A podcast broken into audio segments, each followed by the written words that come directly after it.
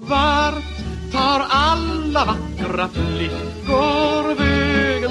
Och var kommer alla fula lea kärringar ifrån? Hallå Ann! Hej Anna-Karin. Söndag igen. Och nu är det söndag och vi är här. Ja, eh, veckan eh, känns så lång ibland tills det, jag får prata med dig igen. Man väntar och väntar och väntar. Ja, och nu är den här. Nu är den här. Eh, eh, irritation, nämn någon.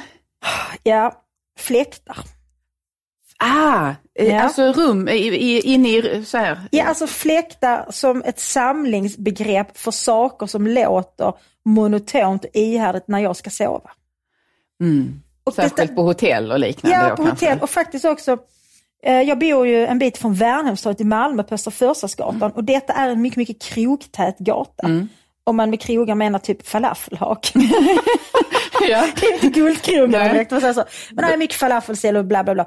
Och i, det hus jag bor i, så i bottenplanet så ligger det en fantastiskt trevlig libanesisk restaurang, ligger en pizzeria, det ligger en sushibar och sen så ligger det en allmän äh, snabbmatsställe. Ja. Och om jag går och lägger mig lite för sent och det är liksom lite för tyst generellt, då låter de här restaurangfläktarna så Det fruktansvärt upp mycket. Då. i din lägenhet. Ja. Så att ibland känns det som hela sängen liksom står och, och, och, och vibrerar. Usch. Men alltså det, jag kan ju instämma verkligen i den irritationen för att jag kan känna, men jag vill, jag vill också då irritera mig på fläktar inuti rum som ska underlätta luftkonditionering Ja. när man är där och så, så kanske det är så att man får eh, vinddrag i ansiktet och ögonen börjar vattnas och då förstörs mitt smink. Ja det är också. Det är väldigt inte irriterande. jävla- Då talar vi dagtid, då talar vi inte Ja. om att du för du sminkar av dig när du lägger. Ja, självklart. Ja, precis. självklart. Nej, nej, är som, som Suellen och Pamela Ewing i Dallas. vaknar. Eh, Nej, tyvärr inte. än. Jag lever inte upp till det idealet. Jag inte, smyger inte upp och sminkar mig innan övriga Det gör familjen man bara när vaknar. man är väldigt, väldigt nyförälskad. Ja, Första ja. gången man sover över hos någon, då ser man till att vakna lite innan. Så att han ska och då gäller det att det inte är någon fläkt i det rummet. Ja, för då förstörs ju allt direkt. Ja. Men då har man i sig varit vaken hela natten så man är helt redo att gå upp och sminka sig. Ja. Nej, Men- men detta är oerhört irriterande och egentligen handlar det väl liksom om, om alltså bristen på sömn gör mig alltså på riktigt galen. Ja. Jag klarar inte av att inte sova och när det är liksom flera nätter så här, då hela jag bara trasas sönder. Ja. Jag blir mycket känslig och irriterad och börjar till slut se små tomtar i hörnen. Men vi kan väl skicka ett budskap då till Ja. eh, alla kebaberior i Malmö och också hotelletablissemang att eh, vi äntligen investerar i lite mer, eh, lite dyrare fläckar, fläktarrangemang. Ja, som, som går, är, inte har så hög ljud. Precis, Eh, tänk på oss som är volym. lite sköra psykiskt och behöver vår sömn. Men kan, och framförallt måste jag ändå säga hotell, därför tar man in på ett hotell så det, alltså man vill sova. Ja, precis. Så ha inte några liksom, fläktar inne i rummen som låter. Nej. Gör nej. något åt detta. Vad har du irriterat dig på? Jo, eh, jag tänker vara lite ordningsman här, ordningskvinna och säga att det är ett oskick detta att folk inte hälsar på varandra. Alltså när man är ute och promenerar Mm, i, ja. eh, jag bor ju i en relativt liten by ändå, en, förort eh, till Göteborg. Det Eh, lät mycket trevligare om du sa by än förort. Ja, jag vet, men Ja. jag, jag, det by för... Det, vi- samhälle. Ja, ett litet samhälle. Och där jag tycker att, det är ju så här när man promenerar på en gata i staden så säger man inte god dag, god dag till alla man möter. För det, då skulle man gö- göra inget annat och folk skulle tro att man var lite lätt galen. Kanske inte hade sovit Ja. många nätter. Men, men om du går och promenerar i skogen exempelvis och möter en enskild Ja. eh, människa, då, då hör du ju till god eh, så att säga, ja det, det, det, är grundläggande att då nicka till eller Ja. säga hej hej eller någonting sånt där. Detta menar jag håller på att förflackas och försvinna. Att man kan då tänka sig att bara, bara liksom passera varandra trots att man är på en väldigt öde plats. Om du vandrar i Kullaberg eller jag går i skogen hemma vid och jag möter någon, då bör man hälsa. Ja, för om det är så att okej, du och jag är de enda mänskliga varelserna på en radie nu liksom av kanske en kvadratmil. Ja. Då måste vi hälsa. Ja. För vi är människor, alla de andra här är djur. Ja, precis. De Och jag, jag tycker att det är så trevligt när man ser såna här gamla journalfilmer, svartvita från en stadsmiljö för att när herrarna hade hatt och sådär. Ja. Att man, man ändå lyfte på hatten när man träffade någon och sa god dag, god dag, även om man fick göra det väldigt tätt och väldigt ofta. Så jag kan väl tycka att vi kan väl ha en, någon slags höja lägstanivån för civilisation här och ändå säga hej. Eller goddag goddag Ja. när vi möter någon i skogen. Eller i alla fall ta ögonkontakt, nicka lite lätt och le. Ja. Och det är samma när man till exempel går upp på en buss. Då tycker jag det hör till att man också, när man nu får gå på där framme igen, att då hälsar man faktiskt busschauffören. Ja, visst gör man det. Ja. Och det är ett sätt att också signalera, jag är inte farlig. Och det är ett jag, sätt att också inte liksom pervertera eh, den kantianska princi- principen om människans inneboende värde faktiskt. Att det, det är klart att busschauffören i detta fallet är ett medel för mitt mål att ta mig någonstans. Men busschauffören är också ett mål i sig själv. Ja. Därför hälsar jag. Ja, så jag tycker att vi skärper oss där lite Ja. grann eh, och börjar hälsa igen. Och vi lär våra barn också att de ska titta upp och se folk i ögonen och nicka till när man möter någon Ja. på likartat vis. Jag håller med, men jag måste ändå fråga en sak. För jag bor ju då i ett hyreshus, eh, ganska många i den trappan och alla utom en familj är jättetrevliga med att hälsa. Mhm. Det är väldigt många olika nationaliteter och alla pratar inte svenska, men alla hälsar på det sätt de kan. Förutom en mycket obehaglig, hoppas ni lyssnar nu, eh, svensk akademikerfamilj. Eh, där pappan för övrigt är någon eh, vänsteraktivist som ogillar mig. Hans tonårsdotter vägrar att hälsa på mig.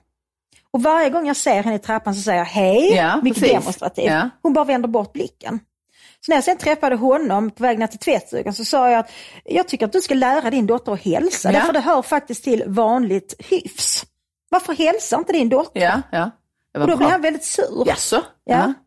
Men det, jag tycker du gjorde helt rätt där. Alltså ja, att jag du- tycker vi får hjälpas åt. Ja, precis. Och, och eh, det, så där gör jag ofta också, att jag säger, jag markerar att nu borde du ha hälsat. Man hälsar demonstrativt. Ja, precis. Hej. Ja, Man kan exakt. hälsa en gång till ännu högre. Och min, mina barn tycker ibland att det är eh, lite skämmigt att jag gör det då när vi är ute och promenerar i min by. Mm. Men då försöker jag förklara för dem att jag har gjort mig själv till ordningsman här. Ja. Så att jag går runt och kontrollerar så att eh, folk Någon kan sköta måste sig. ta den Ja. uppgiften Anna-Karin. Och det, jag har axlat Ja. den. Ja, det Ja. är tungt men någon måste göra Ja. det. Var vänliga mot varandra och är folk inte vänliga, var lite ovänliga så att de tvingas bli vänliga. Ja. Av midjan så smal Så att royal Dagens ämne. Ja, Ja. Eh, vi har valt att kalla det fåfänga. yes. Eh, vad tänker du eh, med när du hör begreppet fåfänga? Alltså jag gillar själva ordet. Jag tycker det är ett trevligt ord och för mig så fåfänga, alltså det ger ju lite olika konnotationer. Alltså dels så får jag liksom visioner av boudoirer som luktar gott och det doftar och det är rosenblad och det är mycket vackra kvinnor och det är puderskyar och så vidare. Samtidigt som man också får en känsla av något som är lite fånigt. Ja, Att det är också något lite fånigt med människor som är för fåfänga. Därför fåfängan innebär ju en viss självmedvetenhet, eller hur? Och självmedvetna människor kan ju bli lite, Ja. lite lustiga. Jo, och att jag tycker också att liksom överdriven eller fåfänga som man, alla har vi ju fåfänga i någon grad. Det, det jag är nog. frågan om hur mycket vi kan förmå att dölja den fåfänga som ligger bakom hur vi ser ut eller tar oss ut. Ja. Men, och när eh, fåfängan blir väldigt uppenbar, Mm. då gör man sig också svag och lite löjlig. Så brukar jag tänka ibland. Att Ja man, men så är det. Ja, För fåfänga nu i mitt inledande, liksom när jag eh, bredde ut texten om denna boudoir som jag gärna skulle befinna mig då handlar det ju väldigt mycket om, om det yttre. Men fåfänga det kan ju handla om andra saker också. Det behöver inte handla om fåfänga i den meningen att man vill vara vacker och, och bli betraktad som attraktiv och sådär. Utan fåfänga kan ju handla om massa andra saker också. Att man vill, eh, man vill bli betraktad som duktig, man vill eh, ha en viss titel, man vill kanske liksom synas i någon rubrik eller vad det nu kan Ja, vara. något det. Och det kan ju bli lite fånigt, det blir, för uppenbart att man strävar efter att Ja, till att exempel låter- vara känd eller vad det nu kan det, och vara. att man låter det styra en. Man Ja. låter det styra vilka val man gör. Att eller... fåfängan blir drivkraften snarare än, än ja, själva innehållet. Ja, precis. Men jag, jag tänker att när vi eh, satte rubriken fåfänga här så var vi också inne mycket på att just detta att måna om sitt yttre. Mm. Och att om man gör det, om man så att säga fixar sig eller stylar sig och gör, lägger manken till för att bli sitt, sitt snyggaste jag när man Ja. arbetar eller framträder och så, så kan också det göras till en svaghet. Mm. Alltså där, du och jag har ju arbetat inom det akademiska fältet. Ja. Eh, och där, om man i det, Det är menar inte jag... en boudoir. Nej, det är det inte. Exakt. Där finns ju någon slags outsagd regel att man ska, kraften man har, energin man har ska läggas in i det intellektuella arbetet och i tänkandet. Och jag ska inte förspilla min energi och min tid på att göra sådana fjantiga saker som att locka håret eller sminka mig eller något liknande innan jag sätter igång att arbeta. Och går jag tillbaka i min liksom, tid vid universitetet så har jag en serie sådana här tillfällen där folk har påpekat för mig eh, det lite lätt löjeväckande i att jag uppenbarligen fixade mig innan jag kom till jobbet. Du tog faktiskt på det läppstift. Ja, och, och sådär. Och det kan ju då ske på ett väldigt så här lite halvkvädet vis eller Ja. det kan ske också på ett väldigt Eller lite öppet. tydligare, ja. Ja, av exempel, Mm. det senare då eh, vill jag minnas någon gång när någon påpekade att vid inledningen till ett möte så säger de så här, en kvinna sa så här till mig att, men vad, vad, vad roligt det är att se Anna-Karin att du har tid att göra dig i ordning innan du kommer in på mötet. Jag önskar att jag också hade det. Och så underförstått då, Ja, du, du har liksom så förspilt en och en halv timme på morgonen åt att måla naglarna och, och kamma dina ögonbryn medan jag läste en intressant bok Precis, för jag istället. är oerhört upptagen. Ja. Jag, jag är en mycket seriös människa. Ja. Men det är ju liksom att i Sverige så betraktas ful equals seriös på något vis. Ja. Jag gav ut böcker på Albert Bonniers förlag tidigare och de hade ju också en lång rad eh, sådana här deckarförfattare. Mm. Men jag gav väl ut böcker som betraktades som seriösa. Liksom. Jag gav ut böcker, man kan väl kalla lite populärfilosofiska, kanske om ondska och så vidare. Eh, Och när jag skulle fotografera så var det ju bara liksom ett rått foto. Det blev aldrig liksom photoshopat. Jag fick aldrig någon sminkös, jag fick aldrig någon som fixade håret. Utan jag fick fixa till mig själv så gott jag kunde och sen blev jag fotograferad. Gärna i något kallt ljus så att jag såg så jävlig ut som möjligt. Medan alla de här deckarförfattarinnorna, som i verkligheten var mycket fulare än vad jag är faktiskt. De fick ju liksom sminköser, de fick frisörer och de fick sjukt mycket photoshop. Ja, just det, Så men- de såg ju mycket snyggare ut än jag. Ja. Så där är det ju lite inom vilken genre man verkar Precis. eller inom vilket Precis. fält man verkar sätter också ribban för hur fåfäng eller hur mån om ditt Mm. yttre du får lov att vara. Och det, jag tycker det, det är ett bra exempel, man kontrasterar det mot hur jag eh, fanns vid ett tillfälle med som referensperson i en, en, en utredningssammanhang. Och det var väldigt så här, eh, kopplat till riksdagens utredningar och så, här, så det var rätt så, var tungt och seriöst att finnas med där. Jag tyckte att jag fick liksom blev upplyft av att få vara med där och eh, eh, få göra inspel i det viktiga arbetet. Men den som ledde den här gruppen, han såg uppenbarligen inte det på samma vis, eller så var han inte alls smittad av den fåfänga som jag då har. Eh, för han hade tvärtom gjort en grej av att han hade ofta lite söndriga skjortor på sig. Ja. Och, alltså, då, och då menar jag inte att det fanns... Arme man med sin, sin magra professorslön. Ja. Hade inte råd med hela skjortan. Nej, men det fanns liksom ett, var inte det ett litet slitage som Nej. jag med min falkblick Eller något som hade just noterade. på morgonen. Nej. Han hann inte byta. Nej, det var, den var uppen, den hade revor Mm. så att säga. Det var sönder, det var, den var trasig på sina ställen och det var inte vid ett tillfälle utan detta återkom Mm. möte efter möte. Han verkade inom fältet sociologi. Eh, och Jag är icke förvånad när du säger detta. Nej. Nej. Varför? Så här, alltså jag, jag började min akademiska bana på stapplande ben genom att läsa socialpsykologi. Det var det första jag läste på universitetet. Och jag chockerades av, vi hade bland annat en, en eh, föreläsare, en kvinnlig sådan med någon slags latinamerikanskt ursprung. Hon hade alltid otroligt fett hår. Jaha. Jag fascinerades så av detta att hon aldrig hade rent hår. Hur lyckades hon? Ja. Och också de här liksom otroligt slitna kläderna med ofta väldigt hängiga stickade tröjor som var uttända. Noppiga. Ja, tradiga jeans, väldigt praktiska skor och sådär. Under mina år i Lund så hamnade jag ju, eller sökte mig ganska ofta till psykakuten. Mm. Det blev som ett andra hem kan man säga, väntrum på Sankt Lars. Och när jag satt där så satt man ju där, man pratar inte med varandra i ett väntrum eh, på psykakuten. Nej. Det skulle vara mycket Och bilen går bra. Jag brukar ligga någon sån här Hänt i veckan och det blir så konstigt så eller alla står med massa recept på kakor. Man sitter där med en fruktansvärd ångest och läser om bästa sätt att göra syltkakor. Liksom. Mycket konstigt koncept. Ja. Men i alla fall, då satt där ju alltid andra människor. Då, då satt där tämligen ofta män som ser ut ungefär som den du beskriver, alltså i väldigt sjaviga, ostrukna skjortor, kanske liksom någon slags stubb som är verkligen beyond sån här sexig tre dagars stubb och så vidare. Och då visste jag aldrig, är detta en uteliggare eller är det en professor i sociologi? Därför det var så professorerna i sociologi såg ut Ja, när jag pluggade Ja. sociologi. Alltså, Och det där är ju märkligt för sociologi som vetenskapligt fält, är ju, de är väldigt, det är ju klass och dimensioner av socioekonomi och liknande som de huvudsakligen ägnar sig åt att studera och fördjupa och förklara. Eh, och då är det ju väldigt märkligt att fältet som sådant har organiserat sig eller har någon slags tyst överenskommelse att vi ska alla se ut som att vi tillhör uteliggarklassen. Ja, precis. Jag tror att det är de tror att de gör en någon slags arbetarism. Ja, det vill säga precis. de lajvar arbetare. Ja. Att de har Det är solidaritet precis. på något de vis. tror att de är solidariska genom att ha sjaviga kläder.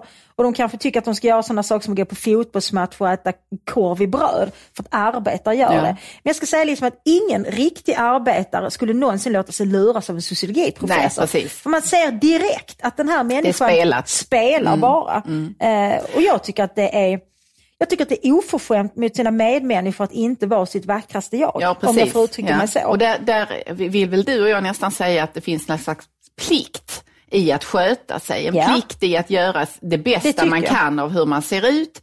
Och att också, och här rackar vi igen på de här sociologerna, att vara, visa respekt för det ämbete man Precis, uppbär. för du beskrev ju en situation där ni satt i en referensgrupp Mm. och ni var där i egenskap av er kompetens och era kunskaper. Ja. Men jag tänker liksom att både av respekt för sitt ämbete, i det här fallet hade han ju en professur, Ja. men också av respekt för uppdraget så ser man till att ta på sig, tycker jag, en kavaj. Ja, Eh, Och i, ja. i alla fall en, en hel skjorta. Jag tycker det också. Ja. Jag tycker inte man koketterar med sådana här saker. Nej, och jag, tycker, jag jobbar med politik och tycker när vi har fullmäktige till exempel, regionfullmäktige, då klär faktiskt alla upp sig. Eh, där är väl någon enstaka på vänsterkanten som gör en grej av att komma dit och se sjavig ut. Men annars är det så att kvinnorna de har liksom skor med klackar och en liten klänning eller en dräkt eh, och männen har kostym och slips. Och det tycker jag är fint därför att nu är vi här för att fira demokratin. Idag ska det fattas beslut. Och det tycker jag är ett, ett uppdrag och en situation som kräver respekt. Ja, precis. Och det uttrycker man faktiskt genom sin uppenbarelse. Ja. Kommer man dit med fett hår i en söndrig skjorta, osminkad. Okej, männen kan slippa sminka sig om de inte nödvändigtvis vill. Då tycker jag att man signalerar att jag skiter egentligen Ja, i det här. Nu snarkar han när det inte kluckar. Men jag tänker, nu, du var inne på politiker där och Mm. jag vill eh, föra in två kontrasterande exempel på dels, eh, om du minns Jan Björklund i hans Mm. sista valrörelse tror jag det var. Då fick han för sig, eller hans stylist fick för sig att det skulle vara en bra idé om han hela den sista månaden hade samma kläder på sig varje gång Oj. han framträdde. Minns du det? Nej, det noterar Han jag hade inte. ett par beigea chinos och en mörkblå skjorta. Jaha. Och han framträdde i detta dag, han hade givetvis flera Ja, nu, uppsättningar. precis, det måste, men nu när du säger det så ser jag det framför Ja. mig faktiskt. Och jag tror att de tänkte så här, det här är bra Jan, det kommer att, att eh, antyda att du har kavlat upp ar- ärmarna nu. Du jobbar nu är så mycket så du hinner inte byta Nej, kläder. du tänker bara, det är lite som det där jag beskrev innan, att Ja, man ska precis. fokusera på tankeverksamheten och inte på det yttre. Men jag kan säga att det det gjorde med mig var ju att varje gång jag såg honom Mm. så tänkte jag, vad är det du håller på med för fjanteri? Du har ju, vi ser ju att du tidigare har Det växlat känns ju kläder. fåfängt på ett annat sätt, eller hur? Det är ju utstud en utstuderad fåfänga när man vill konstruera sig själv som så otroligt hårt arbetar som man, jag har inte tid, nu har jag, jag har tio likadana skjortor och tio likadana Ja. byxor. Jag har så lite initiativkraft själv så att jag har frågat någon till råds om hur jag ska göra och den personen kom på tipset, ha alltid samma kläder. Men vet du vad, för många år sedan så läste jag en intervju med en väldigt chic kvinna från New York som jobbade med något häftigt. Hon jobbade säkert med reklambyrå eller någonting. Och då hade hon uppfunnit en uniform till sig själv. Hon hade en vit välskräddad skjorta. Hon hade ett par eh, svarta slacks och ett par eh, svarta eh, liksom i modell härskor då, lack och sen så hade hon någon typ liksom någon svart scarf som hon knöt då i någon stor rosett. Och hon hade, samma, hon hade exakt samma uniform varje dag. Ja. Hon hade ju flera uppsättningar, precis som antagligen Jan Björklund. Ja. Så hade liksom tio likadana vita skjortor och så vidare. Och detta hade hon gjort därför att hon tyckte att hon la ner så mycket onödig tid på att välja kläder på morgonen. Så då hade hon uppfunnit den här uniformen. Mm. Och jag tyckte det var så fascinerande för att den här, jag tror det var ett reportage för El eller möjligtvis Femina. Där den här kvinnan då upphöjdes till någon förebild. Och jag tyckte bara det var sjukt tråkigt. Ja. Alltså så här, mina kläder signalerar vem jag är och jag är olika människor varje dag. Ja, just Mer det. eller mindre. Ja, ja. Nej, nej jag, inte, det, jag gillar ju kläder väldigt mycket. Jag Ja. tycker att det är roligt. Så att om jag skulle, det- jag skulle se det som ett straff om jag bara fick ha samma kläder dag efter dag faktiskt. efter dag. Men det jag tänker också finns en, det finns en aspekt av det här med hur hur politiker får lov att, att göra sig Mm. eller framträda och, eller inte, där det finns en manlig kvinnlig, Mm. eh, en genusskillnad helt enkelt. Därför att eh, jag tog det exemplet med Jan Björklund som ligger lite längre bak i tiden, men relativt nyligen så blev KD-ledaren Ebba Busch Ja just det, det var den Eh, vita klänningen. Hon hade en vit klänning på sig, en partiledardebatt.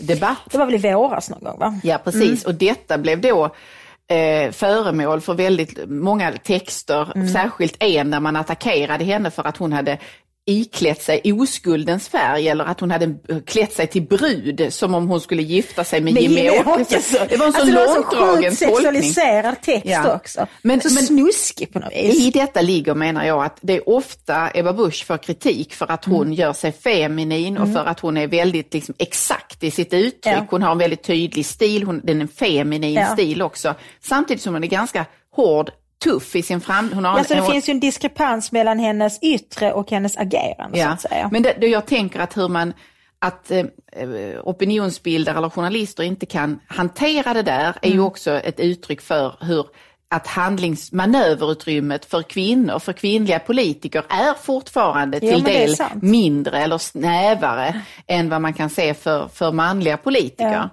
Men det är så intressant för just Ebba Busch är ju alltid, tycker jag, väldigt, väldigt liksom eh, passande och trevligt klädd. Hon är en mycket vacker kvinna. Mm. eh, Som också en väldigt feminin stil. Men jag tänker liksom, Nyamko Sabuni är också påfallande ofta klädd i väldigt liksom, eh, klänningar. Hon är också mycket vacker. Ja. För att inte tala om Alice Bah Kuhnke som ju var väldigt utstuderat Och som klädd. använder just detta Ja, med som- modeindustrin och hon liksom Hon design... använde ju också det för att föra fram olika budskap. Det Ja. var väldigt viktigt på hennes olika Nobelkreationer. Jag kommer ihåg någon gång hade hon en klänning av papper som skulle symbolisera eh, de smältande isarna eller någonting. Ja, det man var- behövde en bruksanvisning för att tolka den kan jag. Eh, Men- men- hon men- tänkte lite för mycket ibland. Hon, ja, hon tänkte lite för Mm. mycket. Men det, det känns som att det är framförallt Ebba Busch som blir attackerad för att hon är snygg. Mm. Och hon har för snygga kläder och det var också den här vita klänningen, det var någon hemmafruestetik och jada jada.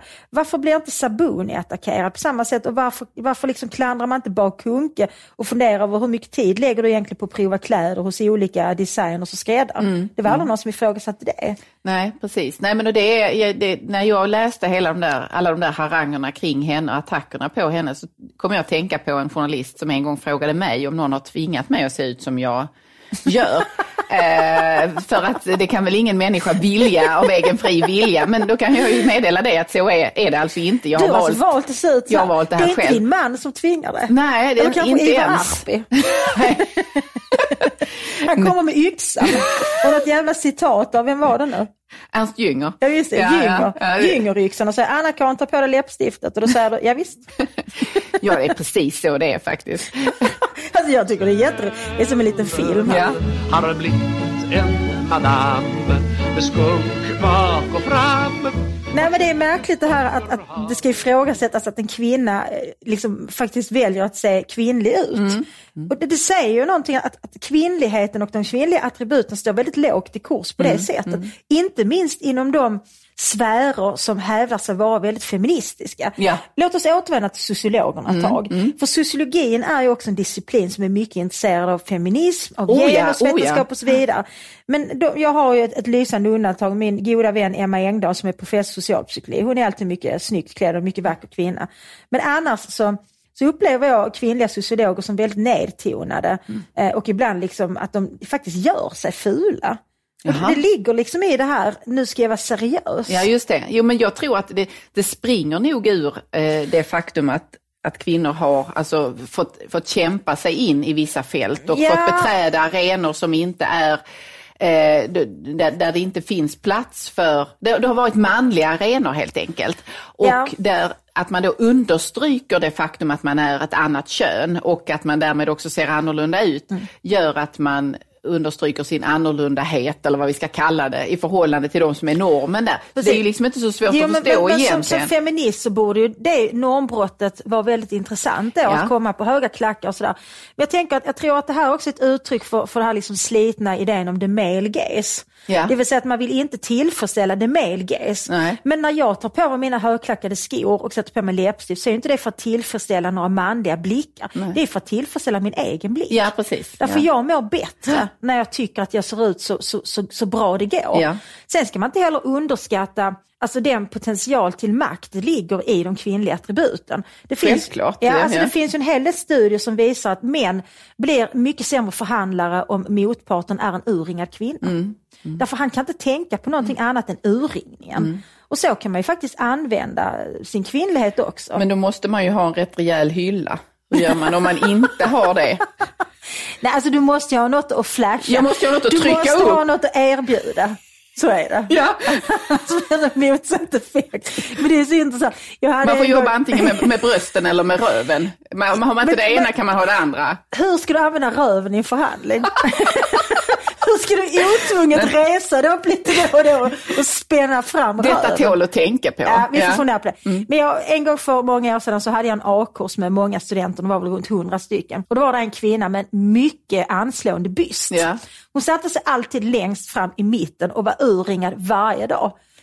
Och jag kunde inte låta bli att titta. Nej. Så jag kan känna sympati för de här männen, för jag blev liksom så förvirrad. Ja. För jag tänkte, 8 och 15 en torsdag morgon, idag ska vi, ska vi prata om Augustinus. Varför är hon urringad? Att jag kunde liksom det. inte... Men, men det, det där, det är ju egentligen, det, för det finns ju någonting annat här som handlar om att också klä sig för sammanhanget. Precis, precis. Eh, och där det, det du föreslår då om att man eh, kanske i vissa lägen kan använda sig av de kvinnliga attributen Ja. och leka lite med det också. Men man ska Eh, göra det med finess Ja, och precis. Det är det försiktighet jag i menar. rätt sammanhang. Mm. Och där jag tänker att, att häver man sig för långt ut på kanten i förhållande till vad som är liksom aptitligt eller rimligt Mm. Ja. i sammanhanget, då gör man ju sig själv till åtlöje snarare, eller att Absolut. man framstår som apart helt Ja. enkelt.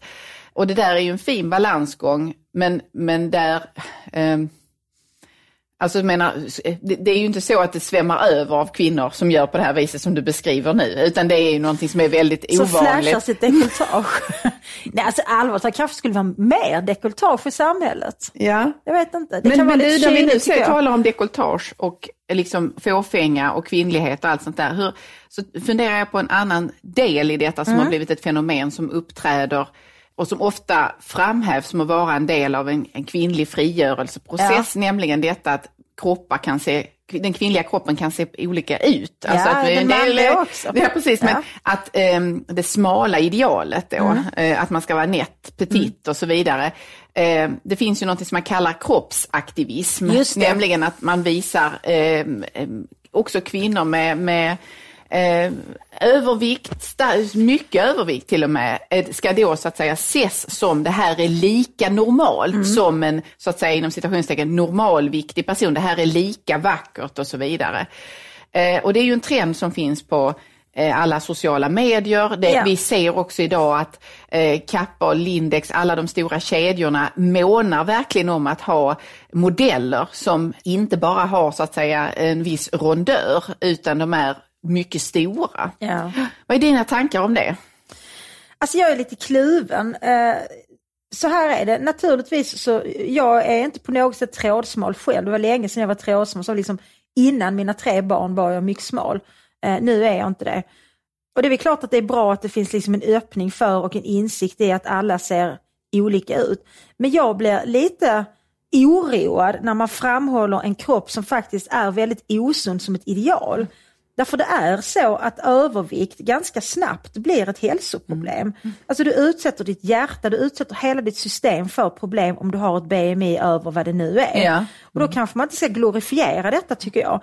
Därför de modellerna som du, alltså det började väl någon gång kanske för 20 år sedan med det som man kallade mulliga modeller. Ja, precis. Där Ja. man tyckte att hon, den här, vad heter hon? Anna Ann- Nicole Smith. Anna Nicole Smith, Ja. liksom, för hon hade ju rejäla bröst. Ja, man ändå. Där har vi ett dekolletage för att visa upp kan man säga.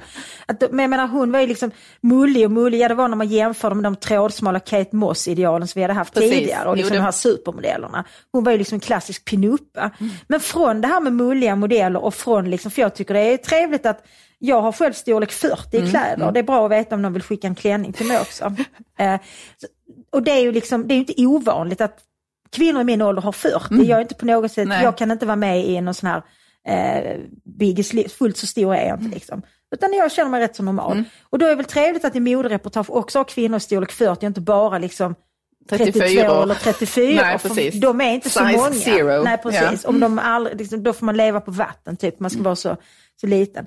Men från det till att man ska ha människor som ser ut som om de är med i det här liksom TLC-programmet om människor som väger ett halvt ton.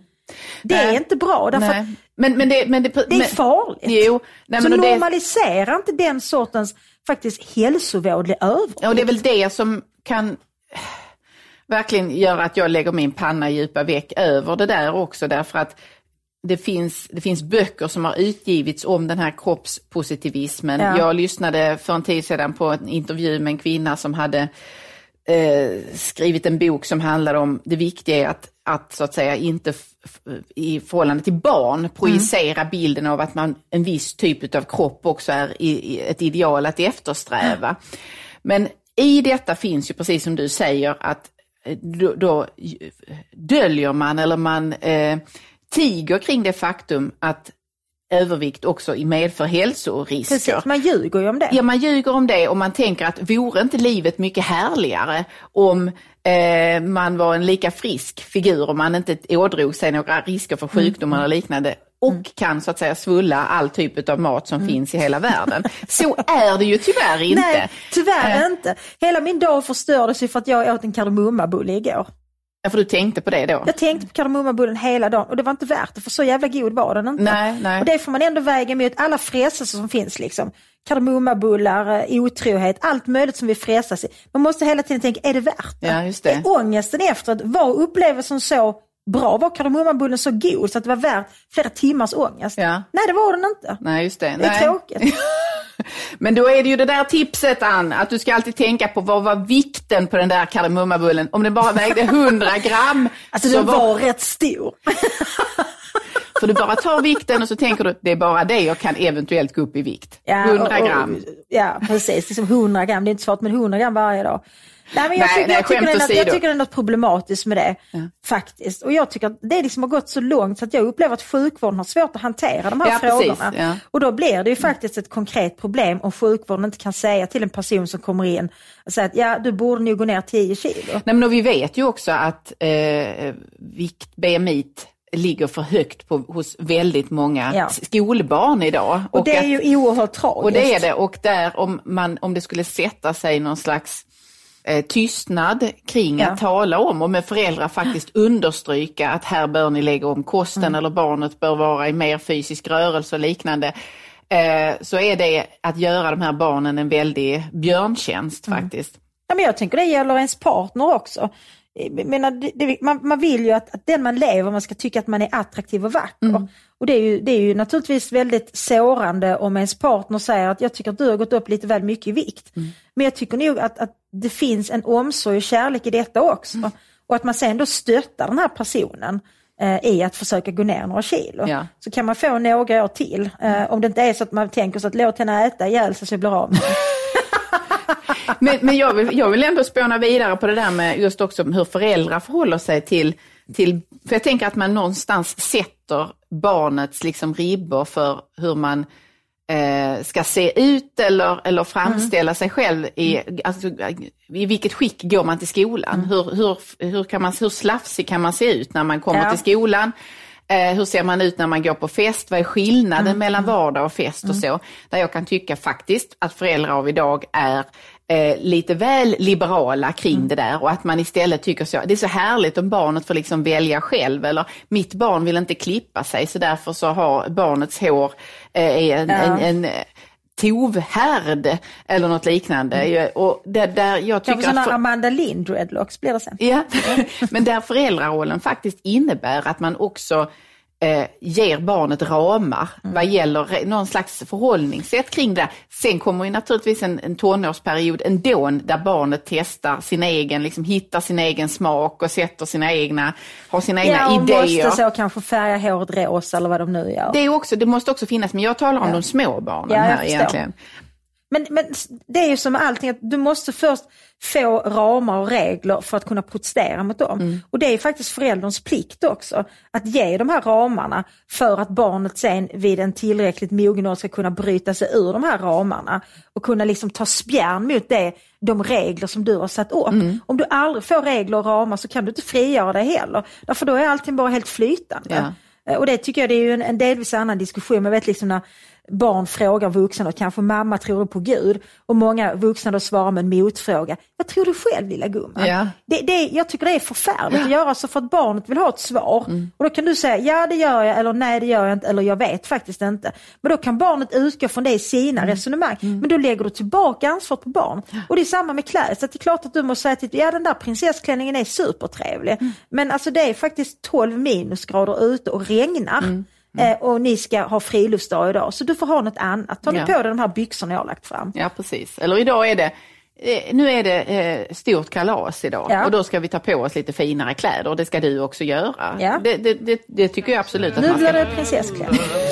Har blivit en madam med skunk bak och fram Men fåfänga tänker jag också är, är någonting som, alltså jag tänker ibland att fåfängan eller frivoliteter eller dekadens eller vad man kan, att det är också någon slags motståndshandling i en tid som är väldigt tråkig. För att jag tycker att vår samtid är väldigt moralistisk. Den är grå, den är trist, den är dömande på många sätt. Ja. Så jag gillar liksom fåfängligheten i liksom att ställa till en stor middag, att liksom slösa med champagne, att sabrera champagnen, att ha väldigt opraktiska skor. Jag hatar praktiska skor. Ja. Det, det, det är få saker som gör mig så avtänd som att se en människa med praktiska skor. Jo, nej, men det är ju det, är precis, det, det finns faktiskt ett motstånd i detta att, att på ett eller annat sätt försöka eh, sticka ut med att man inte är den här gråa, eh, man har eh, väldigt mycket i olika nyanser av grått så att säga på sig. Eh, och det är, alltså, jag kan, kommer tänka på en, alltså apropå de här professorerna i sociologi som vi har haft som en liten röd tråd i vårt avsnitt om få- fåfänga. Där, eh, Som antites. Ja, som antitesen då, eh, motbilden här. Där, när jag startade forskarutbildningen eh, och eh, kom in min allra första dag och skulle få mitt rum, då var jag faktiskt på etnologen. Av någon märklig anledning hamnade jag, fick jag min placering där då. Och jag hade inte varit där inne i mitt rum så mycket mer än en timme eller så när det knackade på dörren. Och eh, arbetsmiljöombudet kom in. Oj, du var för snygg. Eh, Du stör de andra, Nej, men jag hade parfym. Jag hade parfym. Du hade parfym. Det har jag nu också. jag har det, har jag alla också. dagar. Du luktar väldigt gott. Vad är det du har för någon? Eh, det är Mademoiselle. Ah, det var därför. Chanels. För det är samma som min dotter har. Ja. Så Men det känns väldigt den är väldigt och hemtrevligt. Men i alla fall, denna underbara doft hade jag även eh, duttat på Mm. mig denna morgon. Eh, Jag fick då veta att här får man inte lov att ha parfym. Eh, Och det anfördes att det fanns vissa allergiproblem eller liknande, vilket jag mycket, mycket starkt betvivlar Ja. eftersom förbudet eller tillrättavisningen också följdes av följande formulering. Här luktar vi som vi gör. Vi luktar skit eller vad det nu kan vara. Vi Va? Ja, precis. Här Och- luktar vi som vi gör. här luktar vi som vi gör. Så att, att jag hade gjort mig till genom att förhöja min personliga doft då med Du är hjälp av... falsk Anna-Karin, Ja. här luktar du inte som du gör, Nej. utan du låtsas lukta som Mademoiselle. Så att det var alldeles, med andra ord var det helt okej att komma dit och lukta svett och ingrodd skit. Men om man hade en dutt Chanel på sig, då fick man en tillrättavisning. Och det tycker jag om någonting är ett exempel på hur snål det hur snålt det akademiska Ja. livet kan vara och hur, hur lite man behöver göra för att så att säga bli en sån där som får en tillrättavisning då, eller blir tittad ner på. Ja, jag fick ju en tillrättavisning av en student vid något tillfälle. Det var när jag precis hade börjat undervisa, då kan det ha varit liksom 00 eller 01 någonting.